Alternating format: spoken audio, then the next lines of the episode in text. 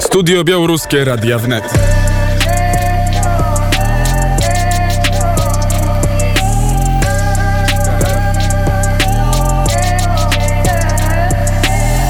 Białoruska studia Radio Wnet.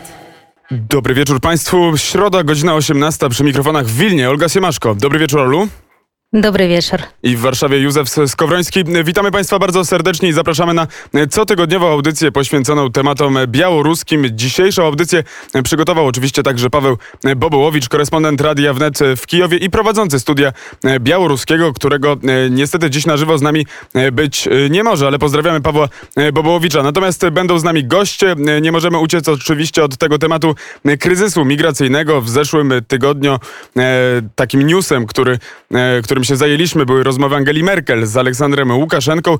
Komentowaliśmy podejście byłej kanclerz Niemiec do e, kwestii e, granicy, a dzisiaj już wiemy, kto będzie następcą Angeli Merkel, bo Olaf Scholz będzie e, pełnił funkcję kanclerza Niemiec. Dlatego też w tym kontekście o no, polityce Niemiec w stosunku do Białorusi, tej, która jest i tej, która być może będzie, porozmawiamy. Oprócz tego omówimy wraz z Olgą Siemaszko wywiad, którego udzielił Aleksander Łukaszenka stacji BBC. Wywiad, który pokazał sporo sporo nerwowości ze strony Łukaszenki. Wywiad, który był e, też skrytykowany chociażby ze strony e, białoruskiej opozycji. Nie tylko ze względu na to, co Łukaszenka tam e, w tym wywiadzie mówi, ale także ze względu na to, że chociażby BBC w ogóle zdecydowało się na przeprowadzenie takiego wywiadu. O tym Państwu powiemy, jak ten wywiad został odebrany. Dużo będzie więc o tej narracji dyktatury Łukaszenki. Skoro o narracji mowa, to jeszcze dodajmy, że w, o tych wielu narracjach, które wokół kryzysu na granicy są, które są obecne w mediach, mediach też dzisiaj będziemy mówić, bo naszym pierwszym gościem będzie e, pani doktor Agnieszka Demczuk z Uniwersytetu Marii Curie e, Skłodowskiej w Lublinie. Pani doktor e, kieruje zespołem badań propagandy i dezinformacji i o tej dezinformacji w kontekście także kryzysu migracyjnego porozmawiamy. Ale zanim to wszystko nastąpi, czas na serwis informacyjny. Nowiny wnet. Wiadomości wnet. I na początek skrót informacji z granicy polsko-białoruskiej. Poprzedniej doby zanotowano 267 prób nielegalnego przekroczenia granicy z Białorusi do Polski. 44 cudzoziemcom wydano postanowienia o opuszczeniu terytorium naszego kraju. Na odcinkach ochronianych przez placówki Straży Granicznej w Dubiczach Cerkiewnych oraz w Mielniku grupy agresywnych cudzoziemców forsowały granicę. Tak w środę informowała Straż Graniczna. Przypomnijmy, że od początku roku Straż Graniczna zanotowała ponad 35 tysięcy prób nielegalnego przekroczenia granicy polsko-białoruskiej, z czego ponad 6 tysięcy w samym listopadzie, blisko 17 300 w październiku i prawie 7 700 we wrześniu, e, ponad 3,5 tysiąca w sierpniu. E, tak wyglądają te dane. Od 2 września w związku z tą presją migracyjną e, w przygranicznym pasie z Białorusią w 183 miejscowościach województw podlaskiego i lubelskiego obowiązuje stan wyjątkowy. To tak gwoli przypomnienia. Pomimo tego, że to reżim białoruski zorganizował duże grupy e, migrantów. Odpowiedzialność próbuje przerzucić na Europę Zachodnią. Międzynarodowe organizacje pozarządowe i partie polityczne powinny ponieść koszty utrzymania imigrantów na Białorusi. Z takim wnioskiem wystąpił w państwowym kanale telewizyjnym Białoruś 1 szef obwodu grodzieńskiego Władimir Karanik. Tymczasem e, polska policja podaje informacje o przemytnikach po polskiej stronie e, granicy. Jak poinformował rzecznik Komendy Głównej Policji inspektor Mariusz Ciarka, ubiegłej nocy doszło do zatrzymania jednego przemytnika oczekującego na osoby, które e, miały nielegalnie przekroczyć granicę. Łącznie od sierpnia zatrzymaliśmy takich przemytników 311, mówi rzecznik.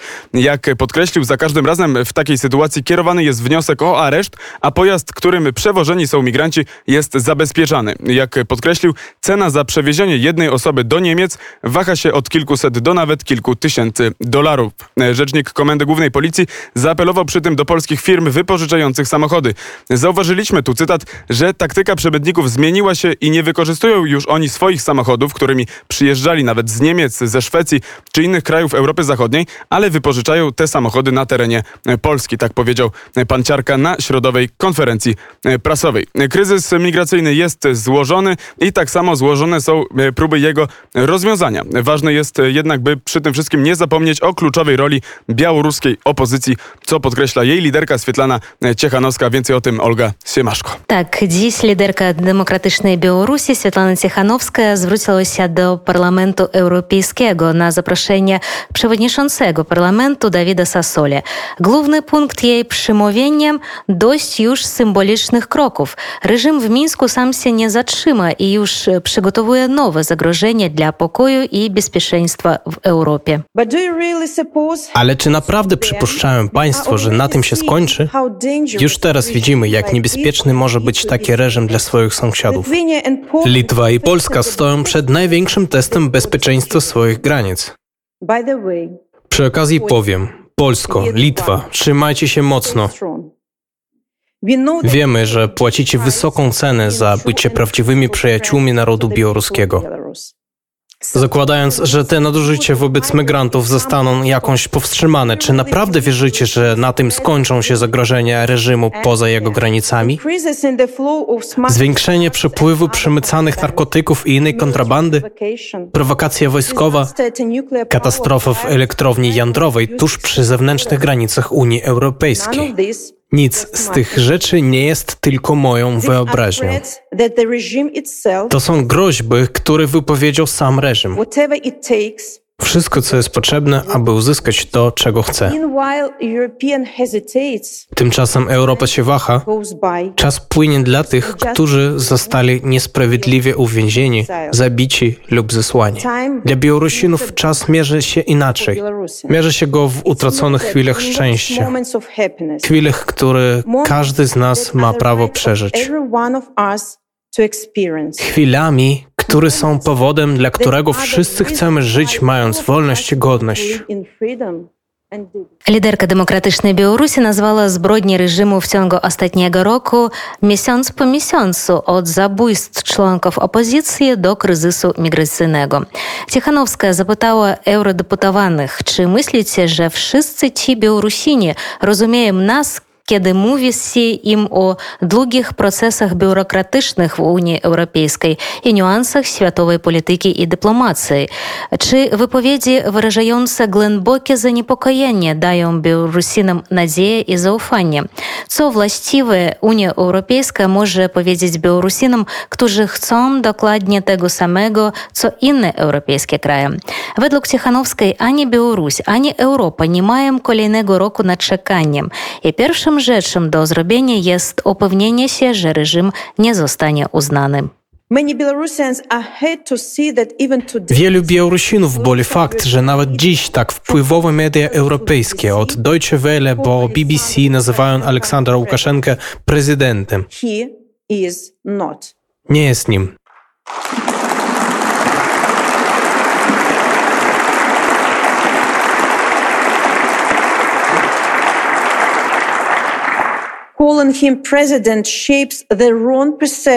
To kształtuje błędne wyobrażenie wśród milionów widzów. Jest on obywatelem Białorusi, który bezprawnie uzurpował sobie władzę prezydencką, stosując przemoc. To nieuznawanie powinno być spójne. Nie należy mianować nowych ambasadorów na Białorusi. Nie należy też przejmować ambasadorów reżimu przez nikogo, kto szanuje wolność, prawo człowieka i praworządność. Nie powinniśmy też zapraszać jego przedstawicieli na międzynarodowe spotkania, imprezy sportowe czy kulturalne. Zawiesić członkostwo reżimu w Interpolu. Byłby to sygnał, że nadużycia nie będą dłużej tolerowane. Mówiła liderka demokratycznej Białorusi Świetlana Cichanowska dziś w Parlamencie Europejskim. A skoro już y, mowa też o Europie, to ważna informacja, którą musimy przypomnieć i która będzie istotna w dzisiejszym programie. E, jak już zresztą wspomnieliśmy na samym jego początku, Olaf Scholz e, z partii SPD będzie po Angeli Merkel kolejnym kanclerzem e, Niemiec. Partie socjaldemokratów, wspomniana SPD, Zielonych oraz FDP porozumiały się co do utworzenia nowej koalicji. Po tygodniach negocjacji trzy partie, SPD, Zieloni i liberalna FDP, ogłosiły w środę umowę koalicyjną nowego rządu względu Niemiec. Negocjacje były długie, bardzo szczegółowe. Rozpoczęły się 21 października. Z dzisiejszej konferencji nowego kanclerza wynika, że dla nowego rządu centralny będzie temat pandemii, ale o tym, jakie Olaf Scholz będzie miał podejście do samej Białorusi, dowiemy się w drugiej części audycji, także zachęcamy do tego, by zostać z nami. A jeśli chodzi o informacje dotyczące zagranicznego podejścia do kryzysu na granicy, to warto jeszcze dodać, że dziś miało miejsce spotkanie premiera Mateusza Morawieckiego z prezydentem Francji. Emmanuel Macron poparł Polskę w sprawie kryzysu na granicy. Tu jednak trzeba dodać, że spotkanie dotyczyło także innych kwestii, bo potwierdzając swoją solidarność z Polską, Macron powtórzył obawy dotyczące e, praworządności i tutaj cytat e, wezwał polski rząd do znalezienia rozwiązania, które chroniłoby podstawowe wartości Unii Europejskiej. I to tyle, jeśli chodzi o serwis informacyjny. Nowiny UNET. Wiadomości w net. I naszym pierwszym gościem w dzisiejszym programie jest pani doktor Agnieszka Demczuk, kierownik zespołu badań propagandy i dezinformacji na Uniwersytecie Marii Curie Skłodowskiej w Lublinie. Dobry wieczór pani doktor. Dobry wieczór panu, dobry wieczór państwu. E, I może w takim razie e, na początek rozmowy byśmy rozróżnili te e, dwa pojęcia, bo one w przestrzeni publicznej często są używane jako takie synonimy. Czym dla pani doktor jest dezinformacja, czym jest propaganda? Znaczy dezinformacja to jest y, według różnych y, badań i definicji, bo też jest dużo definicji, to jest po prostu taka informacja, która po pierwsze jest fałszywa, intencjonalnie ma wprowadzić w błąd, a po drugie krzywdząca, czyli ona ma na celu wywołanie szkody społecznej, indywidualnej. Natomiast propaganda to jest systematyczna taka praktyka używania dezinformacji, e, czyli mamy tutaj już taki większą, e, większy y, zakres czasowy. To tak w skrócie. E, w takim razie mamy do czynienia e, zarówno pewnie i z propagandą, i z dezinformacją w przypadku e, kryzysu migracyjnego, kryzysu na granicy polsko-białoruskiej. Jak pani ocenia, jak dużo takich powiedzmy fałszywych informacji w sprawie tego kryzysu dostrzega pani w przestrzeni publicznej? To tutaj musiałabym odwołać drogich e, słuchaczy do różnych e, ośrodków, które to jakoś próbują mierzyć, choć trudno jest to zbadać ilościowo, ponieważ mamy w ogóle od kilku lat co najmniej z takim wielkim nadmiarem informacji, właściwie e, oblepionym przy każdym temacie publicznym, na który próbujemy rozmawiać w dyskursie. Więc tutaj na przykład, jeśli chodzi o, taki, o takie badanie portalu Unia Europejska przeciw przeciwko dezinformacji, e, e, to, to, to jest taki oddział Stratkomu przy NATO, to on na bieżąco weryfikuje różnego rodzaju fałszywki, to osławione fake newsy, które są e, tworzone świadomie, żeby wprowadzić w błąd e, i krzywdzić e, w ramach dezinformacji.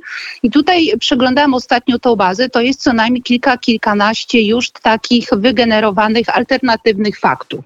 Po drugie, no, należałoby po prostu zmierzyć narzędziem informatycznym dany dyskurs, na przykład na Facebooku, w jakimś tam odstępie czasowym, tygodniowym czy dwutygodniowym. Ale na pewno drodzy słuchacze wiedzą, że przeglądając sieci społeczne, społecznościowe, ogrom e, tych fałszywek i, i, i dezinformacji, czy na Facebooku, czy na Twitterze, e, no, no jest niezliczona, niezliczona ilość. Do tego dochodzą jednak media no, tak zwane publiczne, e, jak ja czytam e, e, na pasku, że Polska odparła atak migrantów, albo na przykład pan, to jest jedno, kolejne źródło, pan premier mówi, że szczelnie bronimy granic i nikt się nie przedostaje, a jednocześnie zaglądam do zweryfikowanych informacji właśnie w tym portalu Stratkomu i tam okazuje się, że już we wrześniu informowały służby niemieckie, że 4 tysiące tysiące migrantów przedostało się do Niemiec. Czy te kanały dezinformujące, albo przynajmniej takie, które rozpowszechniają plotki, mylne informacje, jest, y, jest właściwie y, taki każdy kanał pra praktycznie jest w jakiś stopniu obarczony. Oczywiście y, takie media mainstreamowe, y, tradycyjne powiedzmy, no nierządowe, radio, telewizja, prasa, one oczywiście to jest ogromna praca dziennikarzy, takich weryfikatorów informacji, fact-checkerów, którzy sprawdzają te informacje i przekazują te rzetelne informacje, ale to jest oczywiście taka praca stała praca y, no, czyszczenia tej, tej, tej stajni, że tak powiem, infosfery. Y, y, no, przede wszystkim należałoby e, co najmniej dwa razy zastanowić się przy każdej takiej informacji, którą czytamy, czy ona nie jest naładowana emocjami, jakimiś komunikatami, że to jest news z ostatniej chwili, nigdzie tego nie przeczytasz, to już powinna nam się zaświecić taka czer czerwona lampka. Więc puentując, i media, ja mówię o stronie polskiej, ale przecież mamy jeszcze całą, cały ten kanał dezinformujący e, rosyjskojęzycznych e, mediów, białoruskich, e, prokrenowskich, e, Sputnik News, Russia Today, e, Biełta Białoruska, Prawda. No i tam to, oczywiście to już jest taka klasyczna propaganda, no przedstawiająca kompletnie inaczej niż to, co się, to się, co się dzieje na, na granicy. No i mm, ta cyberprzestrzeń powoduje, że każdy post może być skomentowany, um, udostępniony y, bez granic, z każdego źródła, jak, jakie tylko chcemy, także z tych źródeł propagandowych. I chciałabym zapytać, a kto produkuje więcej fejków? Media z Białorusi czy z Rosji? Oj, trudne pytanie.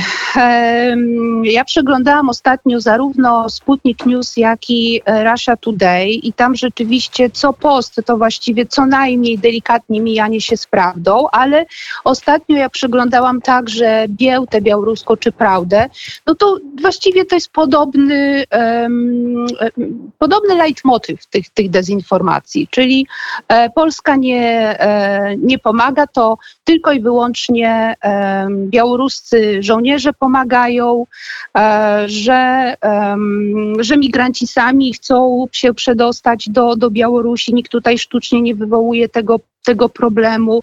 No i też epatowanie emocjami, różnymi obrazkami, no nie tylko e, jak to się często mówi o, o mężczyznach e, w młodym wieku, ale także o, o kobiety, dzieci, prawda, gdzie, gdzie tutaj ten obraz dziecka płaczącego, myślę, mam nadzieję, cały czas przemawia, prawda, do, do wszystkich.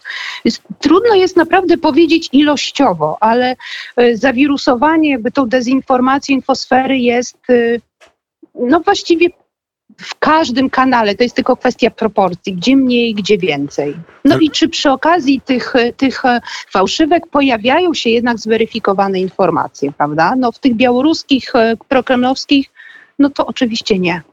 No i właśnie teraz jest e, pytanie, bo od początku tego kryzysu na granicy możemy mówić o takiej e, bitwie informacyjnej. Jak sobie z taką dezinformacją e, poradzić i jak media, które dodajmy, nie mają od początku stanu wyjątkowego e, dostępu do pasa przygranicznego, e, mają sobie radzić z przekazywaniem informacji ludziom, którzy jednak oczekują na e, informacje. No tak. Tak, to właśnie tutaj pan redaktor podniósł bardzo istotną rzecz, kluczową. To, co my możemy jako systemy demokratyczne robić na rzecz przeciwdziałania dezinformacji, to na pewno dopuszczać dziennikarzy, E, tutaj kwestia organizacyjne, jakie to, to jest inna dyskusja, ale dziennikarze, którzy weryfikują informacje i przekazują nam z pierwszej ręki, ponieważ my strzeliliśmy sobie po prostu w stopę jako Polska e, i należy to bardzo krytycznie ocenić. Ten zakaz, ta całkowita blokada informacyjna w związku z wprowadzeniem stanu wyjątkowego, to jest jedyny polski taki przypadek, bo na Litwie i Łotwie takiej blokady całkowitej nie ma. No i znowu my e, po, po naszej stronie nie mamy dziennikarzy, a po stronie białoruskiej na przykład mamy dziennikarzy CNN, BBC. Prawda? No i tutaj mamy od razu taki rozstrzał.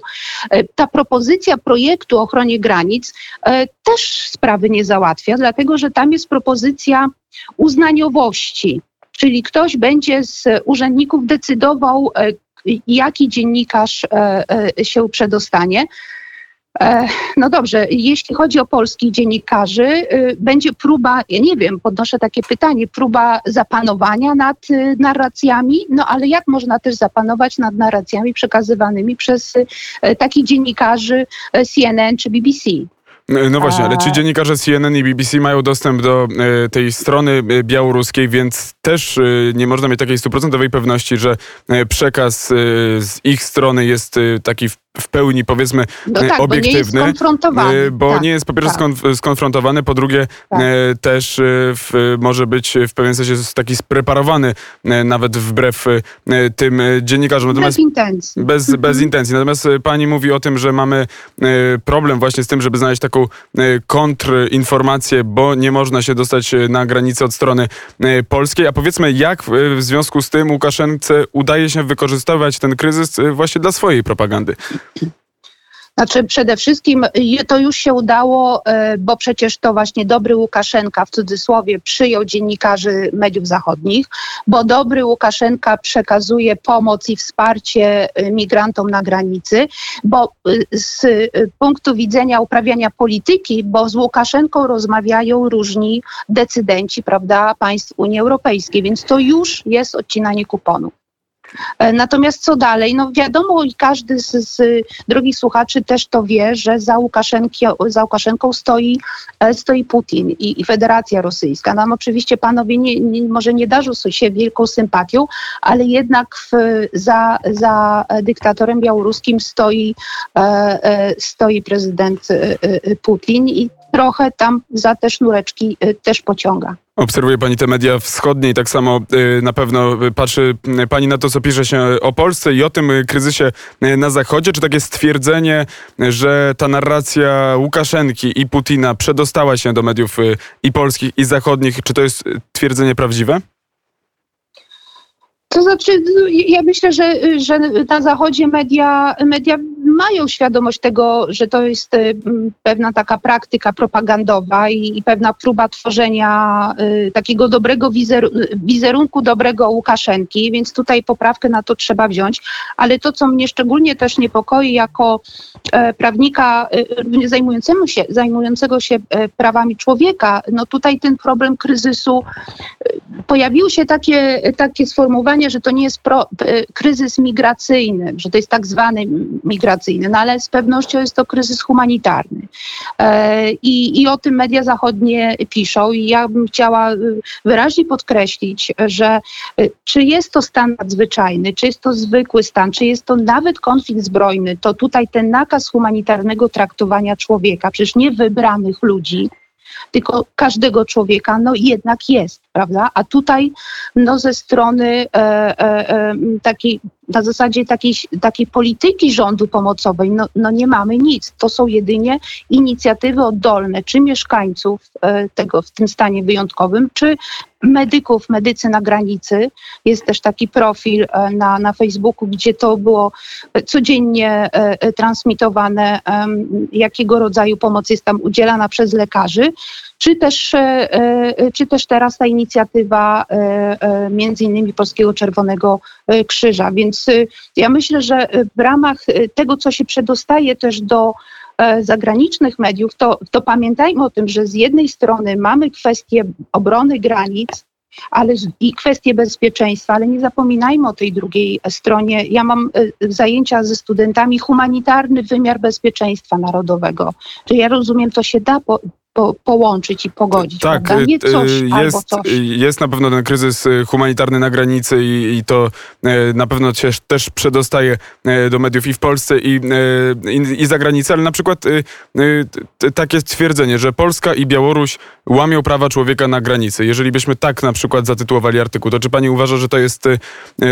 słusznie zatytułowany artykuł, czy to jest... Znaczy, na pewno kwestia intencji, na pewno jest inna, na pewno kwestia skali, skali jest inna, e, bo to jest sztucznie wywołany przez Łukaszenkę. To jest świadome takie wypychanie ludzi, ale e, kwestia nieprzestrzegania praw człowieka od strony e, władz polskich no jednak jest. Nie wiem, czy drodzy słuchacze o tym wiedzą, ale wśród prawników no, mówi się o tym, że to, to, co się dzieje na granicy i te osłabione, no, nielegalne w myśl międzynarodowych standardów, te pushbacki, no to zaczyna wypełniać znamiona artykułu 7 Statutu Rzymskiego, czyli tego dotyczącego zbrodni przeciwko ludzkości, y, Międzynarodowy Trybunał w Hadze.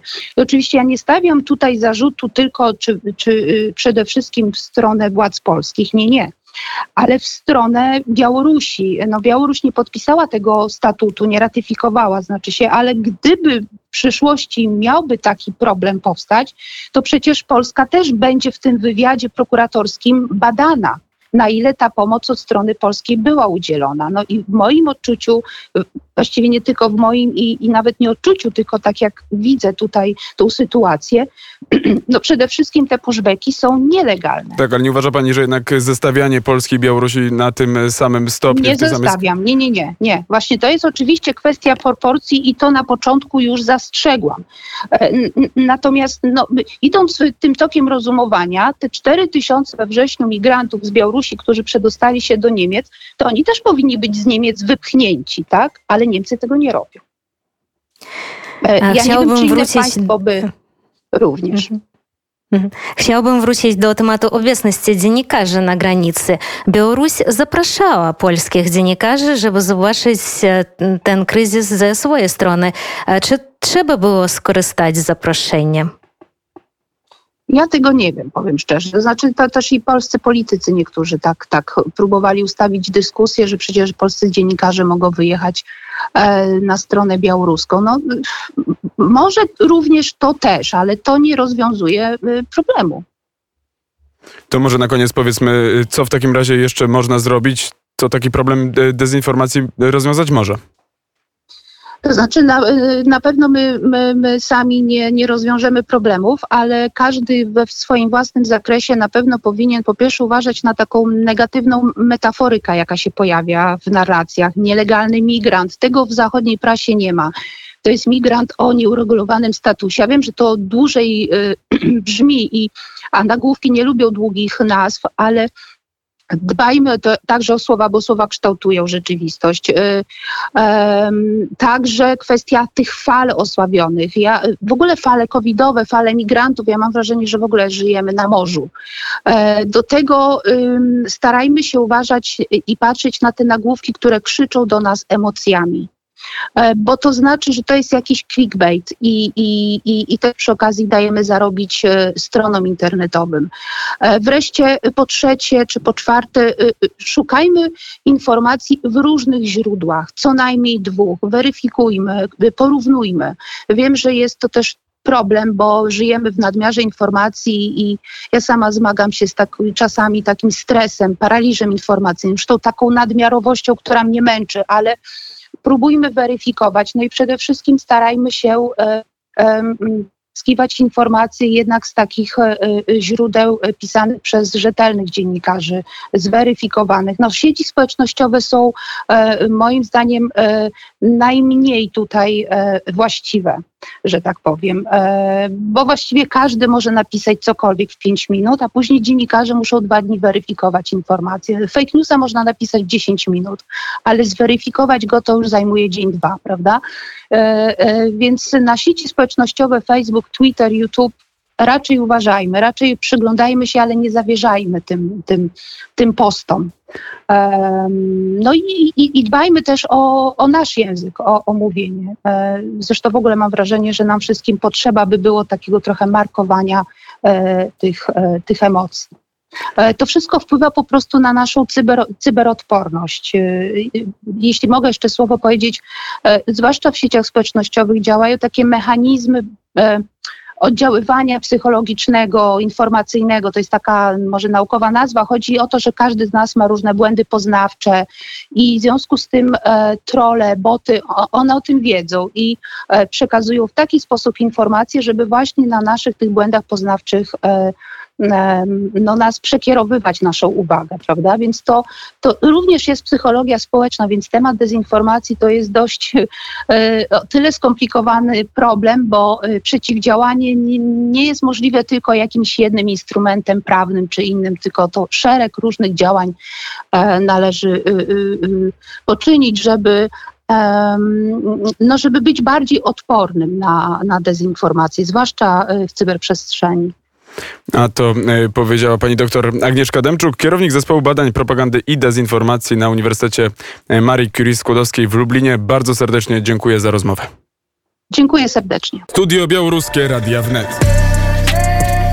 Białoruskie Studia Radio Wnet. I kolejnym tematem e, jest coś, co na pewno zwróciło naszą uwagę w zeszłym tygodniu. Aleksandr Łukaszenka udzielił wywiadu brytyjskiej stacji BBC. Jest to dość rzadkie zdarzenie, o czym jeszcze wraz z Olgą Siemaszko e, Państwu powiemy, ale najpierw trochę o samym wywiadzie, bo e, był to taki wywiad, który ukazał się cztery dni temu w BBC. Prowadził go dziennikarz Steven Rosenberg, który starał się do, dociekać i pytać o trudne dla Łukaszenki rzeczy. Zresztą te, też wysłuchamy kilku cytatów z tego wywiadu, ale według dziennikarzy białoruskich, przede wszystkim tych opozycyjnych, a także e, polityków opozycyjnych. E, błędem stacji BBC było robienie tako, takiego e, wywiadu, bo było to według chociażby Swietlany Ciechanowskiej czy jej biura danie platformy dyktatorowi do wypowiedzenia jakichś tam swoich racji. Olga, czy ty zgadzasz się z takim stwierdzeniem, że był to błąd brytyjskiej stacji, żeby iść do Łukaszenki i robić z nim wywiad? Z jednej strony popieram ideę międzynarodowego bojkotu reżimu w Mińsku. Bojkot informacyjny musi stać się jego częścią. A po co dawać Łukaszence możliwość poczucia się kimś znacznym? A dla niego sam fakt tego wywiadu jest już zwycięstwem i przynajmniej nad Wielką Brytanią. A z drugiej strony widzę, jak mało Łukaszenka jest znany na Zachodzie. Czasami, kiedy słucham dyskusji o Białorusi, zastanawiam się, jak przestaje przedstawiam się go jako geopolitycznego stratega. A on, myślę, że on sam byłby zdziwiony, gdyby to wszystko usłyszał. Ale on jest taki gniewny, nerwowy człowiek, który zrobić wszystko, nawet zamorduje, by utrzymać swoją władzę. I dziennikarz BBC zdołał rozgniewać Łukaszenkę. Ktoś miał rację, mówiąc, że to nie był wywiad, ale przesłuchanie zimne i logicznie. A Łukaszenko nie mógł jego znieść i mam nadzieję, że teraz dla opinii publicznej na Zachodzie stało się jasniejsze, kto rządzi Białorusią. Tak, zresztą to, co powiedziałaś, to też y, powiedział dziennikarz Bielsatu, Aleksiej Ciekawicki, dzisiaj w TVP Info też stwierdził, że błędem BBC było to nawet nie z tego powodu, że jest to dawanie platformy do twierdzeń wypowiadanych przez Łukaszenkę, ale chociażby dlatego, że Łukaszenka sam dla swojej własnej wewnętrznej białoruskiej propagandy może ten wywiad BBC wykorzystywać, gdzie on coś mówi, jest logo BBC, dziennikarz potakuje, no bo oczywiście można wybrać takie fragmenty, gdzie dziennikarz tak machnie machnie głową, że wydaje się jakby e, potakiwał i faktycznie w tej białoruskiej propagandzie e, można to zauważyć, prawda?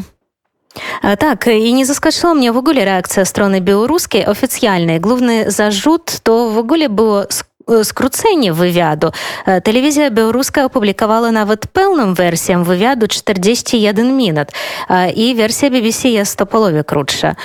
Komentarze w telewizji białoruskiej są następne. Dziennikarz nie rozumie białoruskiego tematu, jest stoniczny w stosunku do Łukaszenki i ogólnie mówi bzdury o Białorusi. Ale to normalna reakcja białoruskiej propagandy. To samo powiedziano o niedawnym wywiadzie Łukaszenki dla CNN, chociaż ten wywiad był bardziej lojalny i spokojny. Ale zaskoczona mnie reakcja strony rosyjskiej. Główny propagandysta rosyjskiej telewizji Solowiow obraził się na rzecznika Łukaszenki za wywiad dla BBC i nawet publicznie oskarżył mnie na antenie. A główna idea jest taka. Łukaszenka udzielił wywiadu BBC, ale nam nie udzielił. Jeśli tak, to dla mnie jest to niesamowita sytuacja, bo Łukaszenko w ogóle nie przegapi okazji być w rosyjskich mediach. To może teraz e, e, przejdźmy do e, samego wywiadu, żebyśmy przynajmniej mogli ze dwa cytaty Państwu zaprezentować z tego, bo oczywiście jednym z tych znamiennych momentów rozmowy było to, jak Łukaszenko chociażby przyznał się do tego, że funkcjonariusze na granicy, bo granica była jednym z tematów tego wywiadu, funkcjonariusze granicy mogli pomagać imigrantom przedostawać się do Polski, ale Łukaszenka odpowiedział na te twierdzenia w taki zagmatwany sposób. Powiedział, jesteśmy Słowianami. E, mamy serca, nasi żołnierze wiedzą, że imigranci jadą do Niemiec. Może ktoś im pomógł, nawet nie będę tego badał, tak twierdzi e, białoruski e, dyktator, który jednocześnie przyznawał się chociażby do tego, że, że ludzie byli bici w areszcie w 2020 roku po wyborach. Stwierdził, że przyznaje się do tego, że w areszcie śledczym na Kreścinie byli bici, byli bici demonstranci, ale że byli także bici milicjanci, dodaje dyktator i mówi, że tego wy, czyli BBC, nie pokazali pokazaliście. E, ale posłuchajmy e, pierwszego fragmentu e, wypowiedzi, który dotyczy kwestii migracyjnej. Они идут через Беларусь Oni, e, migranci, przybywają do Białorusi przez kraje basenu Morza Śródziemnego. E, Nie wiem, kto ich tam zaprosił. E, Przylatują przez Bałkany e, i może też innymi drogami. Oni chcą do was, nie do Białorusi. Chcą trafić do Niemiec, nie do Białorusi. В данном случае в Германию. Mówi dziennikarz. E, ale w maju przed nowymi sankcjami Unii sam publicznie pan przyznał, że migranci będą e, przybywać do Europy. Pokaż mi, gdzie powiedziałem przybywajcie do mojego kraju. Zaprosić to znaczy powiedzieć przybywajcie do mnie. Tak jak ty. Chciałeś wywiadu? Zaprosiłem cię. E, ty poprosił interwiu, ja mówię, przychodź Tak mówi e, Łukaszenka do e, dziennikarza Stevena e, Rosenberga. E, po, posłuchamy też e, drugiego e, cytatu e, z tego wywiadu, bo e, dziennikarz e, podał chociażby e, przykłady e, niektórych imigrantów wzięte z własnego śledztwa, które prowadził na e, granicy i powołał się na historię jednego e, z migrantów na e, granicy polsko-białoruskiej. Один мигрант сказал, нас было Mówi dziennikarz. Jeden z migrantów powiedział nam, było nas 150. Powiedziano nam w nocy, idziecie do Polski.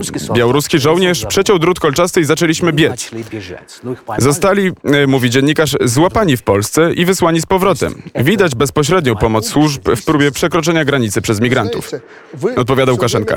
Wie pan, cały czas mówi pan, że ktoś coś gdzieś powiedział. Całe to BBC ciągle podaje, że coś gdzieś tam. BBC, jak wy to podajecie wszystko.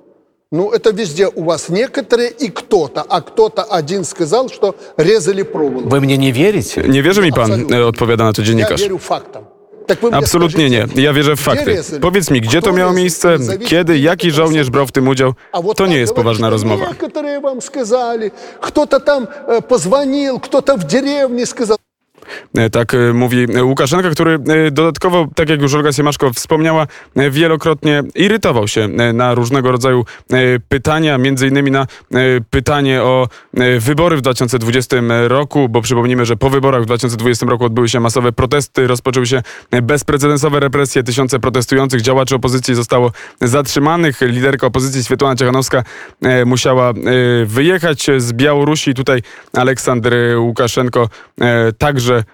wielokrotnie e, mówił, że e, to było 80% e, zwycięstwa. To były wygrane przez niego wybory, tak powiedziała Centralna e, Komisja Wyborcza i tutaj nie ma mowy w ogóle do e, negocjowania. Także ta narracja, e, ta narracja Łukaszenki oczywiście e, zachowana. Natomiast e, Olu, mam do ciebie e, pytanie, e, czy reakcja na Białorusi e, na ten wywiad, oprócz tego, co już powiedziałaś, e, jest jakaś odmienna od tej, która e, była? Czy wśród twoich e, znajomych, e, którzy są na Białorusi, którzy są przeciwni Łukaszence, e, czy taki wywiad w ogóle jakkolwiek do nich trafia? Tak, oczywiście. E, Wszystko można było zobaczyć w internecie. E, Z początku na stronie BBC, a potem już na stronie białoruskiej telewizji i cały wywiad i ta wersja, którą e, BBC zrobiła, ale reakcja Białorusinów, e, e, wiesz, ona taka fajna, mogę powiedzieć. Początkowo oni wszyscy, byli obrażeni, że BBC w ogóle rozpoczęło rozmowę z, z dyktatorem. No, a potem byli zachwyceni, kiedy zobaczyli, co z tego wynikło. E, Tak, e, jest oczywiście rozmowa d- dostępna na stronie BBC. Taki wywiad można obejrzeć oczywiście, pamiętając o tym, co mówiłaś wcześniej, że to jest rozmowa z dyktatorem. To, co podkreśla też Świetlana e, Ciechanowska, jest to, co on mówi, zasadniczo z góry można uznać za nieprawdziwe i za część próby manipulacji. To tyle, jeśli chodzi o ten wywiad z Aleksandrem Łukaszenką, który ukazał się w BBC. Zajęliśmy się nim chwilę, bo nie jest to częste zdarzenie, żeby, e, żeby zachodnie media rozmawiały z dyktatorem e, Białorusi. My natomiast już za moment e, zobaczymy, jak ten Zachód będzie patrzył na demokratyczną Białoruś i na liderów tej opozycji demokratycznej na Białorusi, bo wiemy, że w Niemczech zmienił się, zmienia się kanclerz i za chwilę specjalistę od polityki niemieckiej o to zapytamy. Studio Białoruskie Radia Wnet.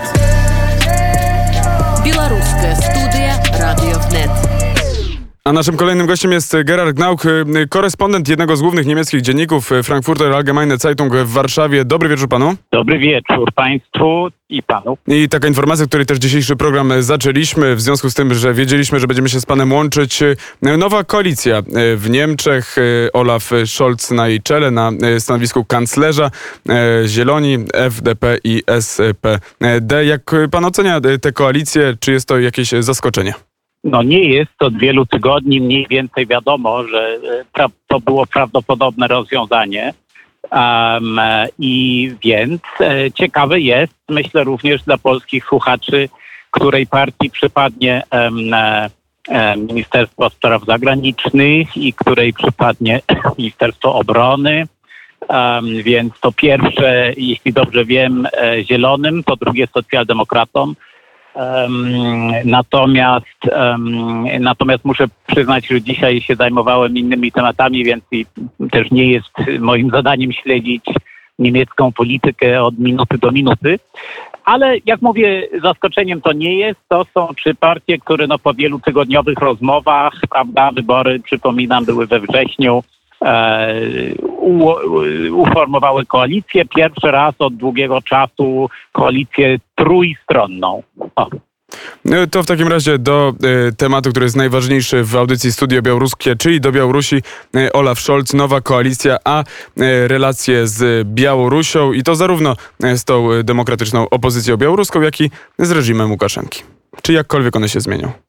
Proszę pana, po pierwsze e, chciałbym przypomnieć, a nie każdy w Polsce lubi o tym pamiętać, e, że pole manewru wszystkich państw Unii Europejskiej, również Polski, wobec reżimu na Białorusi jest bardzo ograniczone. E, Polska zrobiła bardzo dużo e, dla budowania tożsamości e, e, Białorusinów i dla wspierania opozycji, a widać jak to może się niestety kończyć. Um, mówię, że zrobiła bardzo dużo na przestrzeni ostatnich e, przynajmniej 20 lat. Um, to po pierwsze. Po drugie, ja bym raczej pytał, no, czy w ogóle niemiecki ostpolityk się zmieni, że tak powiem, wobec Rosji, ale do rzeczy um, e, pan przyszły kanclerz Scholz no, miał taką dłuższą wypowiedź o Rosji i o polityce wobec Rosji E, jakiś czas temu, gdzie bardzo e, akcentował, że tak powiem, e, ciągłość i jak na socjaldemokratę dość twardą pozycję wobec Rosji. To po pierwsze. Na czym taka twardość polega? Ta twardość polega na tym, że utrzymujemy i przedłużamy co pół roku sankcje. Dalej Rosja nie jest członkiem grupy G8, tylko z G8, jak wiadomo, po e, Krymie, aneksji Krymu się zrobiło G7. Rosja spadła z pozycji partnera handlowego Niemiec pozycji z głowy mówię, mniej więcej siódmej pozycji na czternastą lub piętnastą to są te skutki e, również tych sankcji. Można stwierdzić, że w, e, szczególnie w Polsce takie e, opinie bardzo często padają i ze strony dziennikarzy, i ekspertów, i polityków, że Niemcy nie widzą takiego niebezpieczeństwa uzależniania polityki energetycznej Europy od Rosji i Białorusi. Czy takie podejście, jak właśnie do tej kwestii energetycznej też podchodzi Olaf Scholz i będzie podchodził nowy rząd Niemiec? Jeśli um, w tej kwestii akurat, która jest oczywiście bardzo y, smutną kwestią, bo jest w sumie właśnie takim dowodem na, e, na błędną wizję Rosji, y, która często panuje w Niemczech. E, w tej kwestii, no niestety, nie należy się spodziewać zmian, więc jeśli już e, Merkel no, trzymała się niestety tej, tej, tej rury Nord Stream 2, to socjaldemokrata też będzie to robić. Um, aczkolwiek no, ostatnie tygodnie znowuż e, wprowadzają jakąś nową dynamikę w to wszystko. Jak wiadomo, w tych ostatnich tygodniach wydarzyło się to, że niemiecka agencja czy instytucja, która musi wydać certyfikat dla działalności Nord Stream 2, E, przedłużyło to wszystko i, i znowuż e, e, będziemy czekać jeszcze wiele, wiele tygodni, zanim to się rozstrzygnie. Nie wiem, co tam za kulisami się dzieje. Nie wiem, czy Rosja będzie na tyle prowokująco działać w najbliższym czasie, że rzeczywiście zmieni zasady gry i argumenty, jeszcze raz, e, e, argumenty po stronie zachodniej. Ale pan zresztą zmierza tym pytaniem do tego, że Nord Stream 2 nie jest dowodem na mądrość e, Europejczyków. Przypominam, że jest kilka krajów, które niestety pobierają ten gazociąg i tutaj się z panem zgadzam. I mam nadzieję, ale nie mam przekonania, że rzeczywiście jeszcze coś da się tu zmienić. A jeśli chodzi o Białorusię, to Scholz już nazywał Łukaszenką niebezpiecznym dyktatorem. Czy oznacza to, że stanowisko Niemiec w sprawie białoruskiej będzie bezkompromisowe?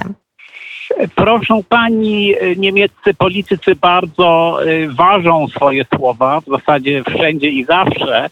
Więc to jest po prostu dowód na. To, to jest na Zachodzie teraz, nazwijmy to mainstream. To jest. To wszyscy mówią, że on jest niebezpiecznym dyktatorem, więc ja bym z jednego takiego słowa nie za bardzo, nie za duże wnioski wyciągał.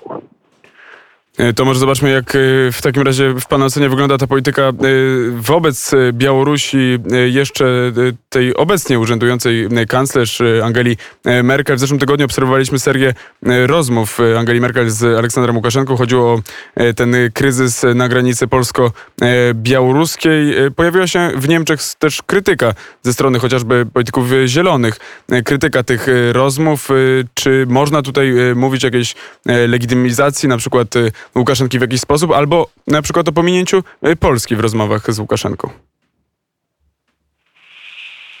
Na to bym odpowiedział, że um, proszę y, y, y, zbudować taką analogię. Um, um, przestępca bierze zakładników, czyli migrantów.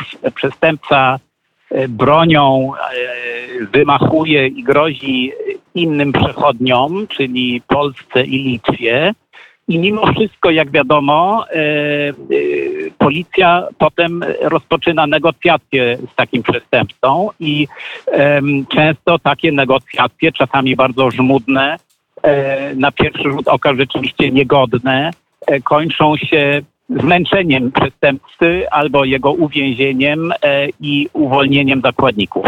Tutaj jest oczywiście sytuacja trochę inna, bo Łukaszenko się chyba, no kto wie, może się trochę zmęczył. Był nieoczekiwane to y, jednak twarde stanowisko y, na granicy Litwy i Polski.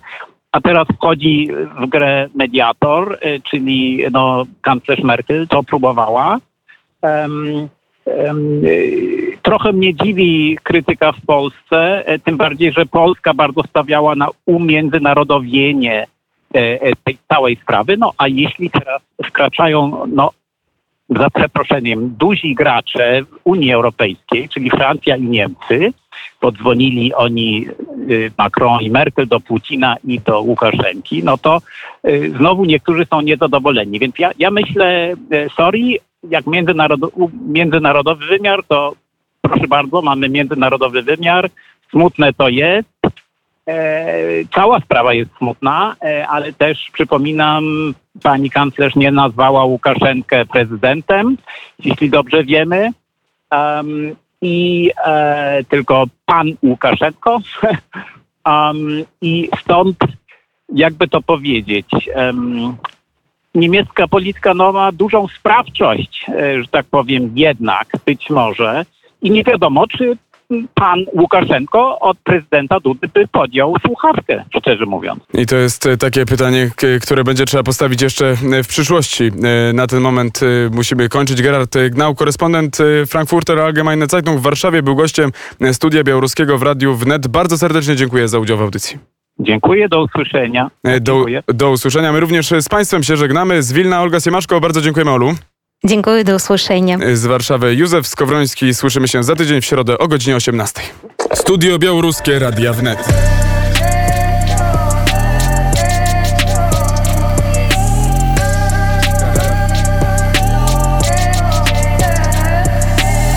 Белорусская студия «Радио ВНЕТ».